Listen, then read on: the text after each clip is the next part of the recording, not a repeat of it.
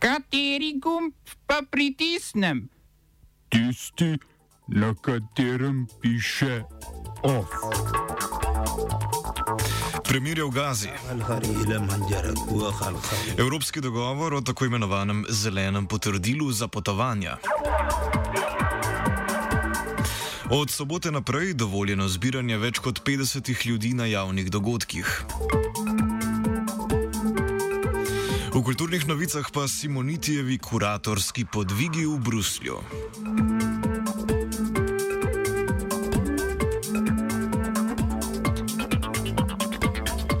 Dobr dan. Po 11 dneh napadanja Gaze je sklenjeno premirje. To naj bi začelo veljati danes zgodaj zjutraj, a novinari iz Palestine na socialnem omrežju Twitter poročajo, da so se ustavili samo letalski napadi izraelskega letalstva. V 11 dnevih, odkar potekajo spopadi, je umrlo najmanj 230 palestincev, Izrael pa je utrpel 12 smrtnih žrtev. Hamas je premirje razglasil za zmago za palestinsko ljudstvo. Pred manj kot uro pa so na spletnih omrežjih začeli krožiti posnetki izraelske vojske, ki je ponovno vstopila na območje Mošeje Al-Akse in napadla udeležence na petkovi molitvi z zvočnimi granatami in solzivci.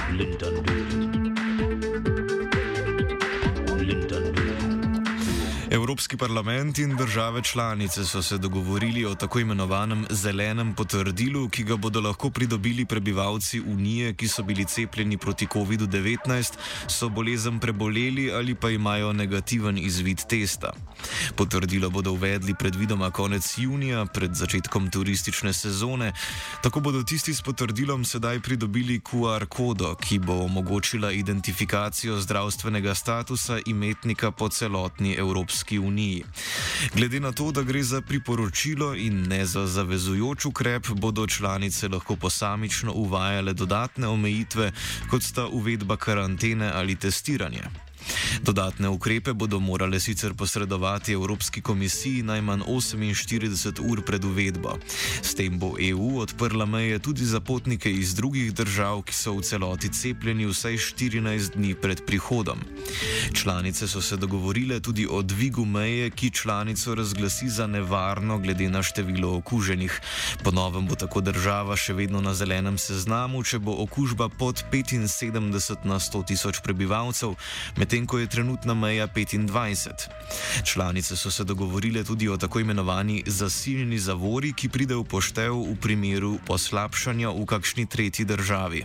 Zasilna zavora bo članici dovolila takojšnjo prepoved vseh potovanj iz te tretje države.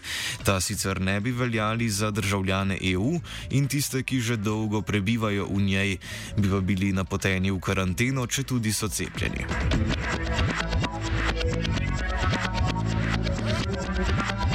Thank you.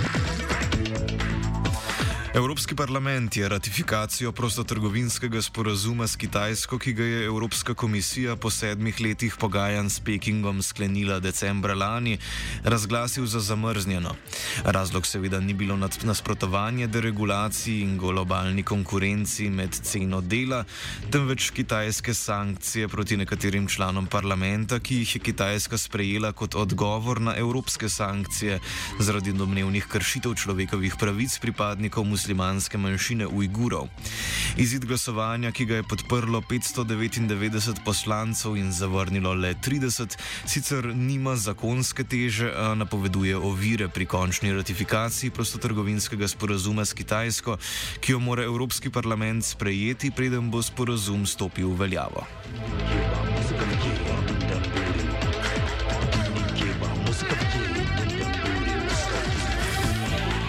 Nemška vlada se je odločila, da bo z začetkom prihodnjega leta prepovedala prakso zakola moških piščancev.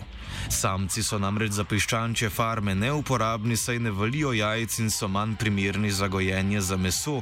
Zato piščance, takoj ko se izvalijo, sortirajo po spolu, samce pa zakoljajo, bodi si z oglikovim dioksidom, bodi si z drobilnikom. V Nemčiji tako zakoljajo okoli 45 milijonov piščancev na leto, kar je za ministrica za kmetijstvo Julija Klöckner označila za etično nesprejemljivo. Še večjo težo pa ima sodba ustavnega sodišča, ki je prakso leta 2019 razglasilo za dopustno zgolj v prehodnem obdobju. Prepoved zakola pa ne pomeni, da bodo piščanče farme začele vzgajati tudi neproduktivne samce.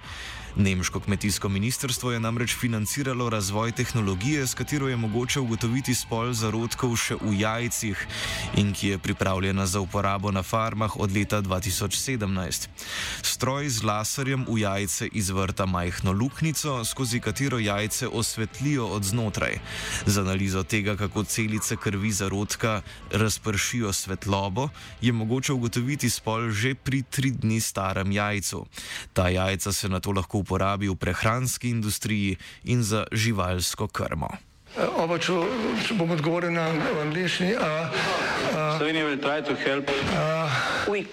Slovenija bo naredila naš utmost, da bo rekla, da je situacija naš problem, sami. In da bomo naredili nadaljnje korake, as soon as the conditions are. Bomo vlado Marjana Cererera Šarca podprli.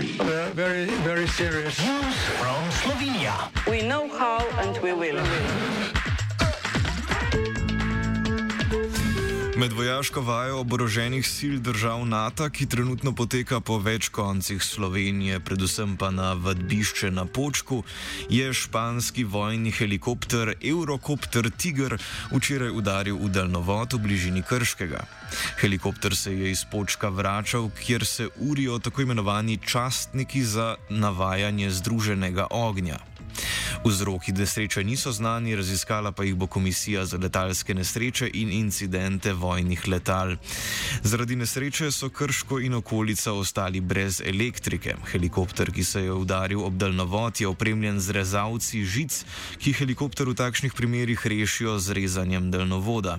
Vaja Jadranski udar poteka v okviru več mesecev trajajočih vojaških vaj Defender Europe 21, kjer je simuliran izbruh vojnega žarišča žarišča na Balkanu, v katerem na to posreduje NATO iz svojih baz po Evropi.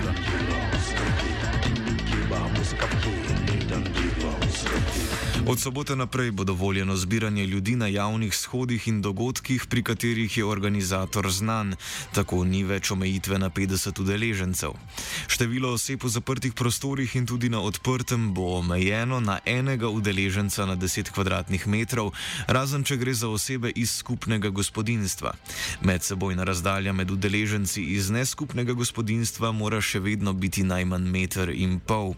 V zaprtih prostorih je maska prav tako še vedno vedno obvezna, odlog o začasni omejitvi ponujanja kulturnih storitev končnim uporabnikom in odlog o začasnih omejitvah kolektivnega uresničevanja verske svobode v Sloveniji sta še v veljavi, sicer pa so z izjemo obveznega testiranja dodani tudi tisti, ki so cepljeni samo enkrat.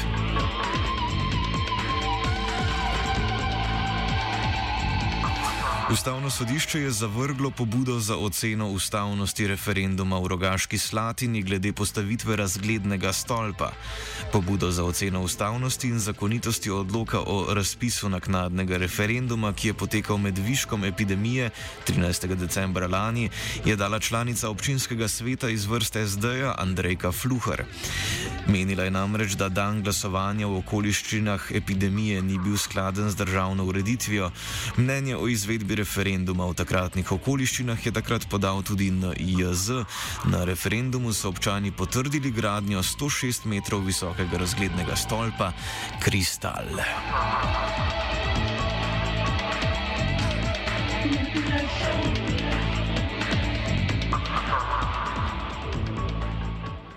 Ovsta pripravila Galina KG, sledijo pa kulturne novice.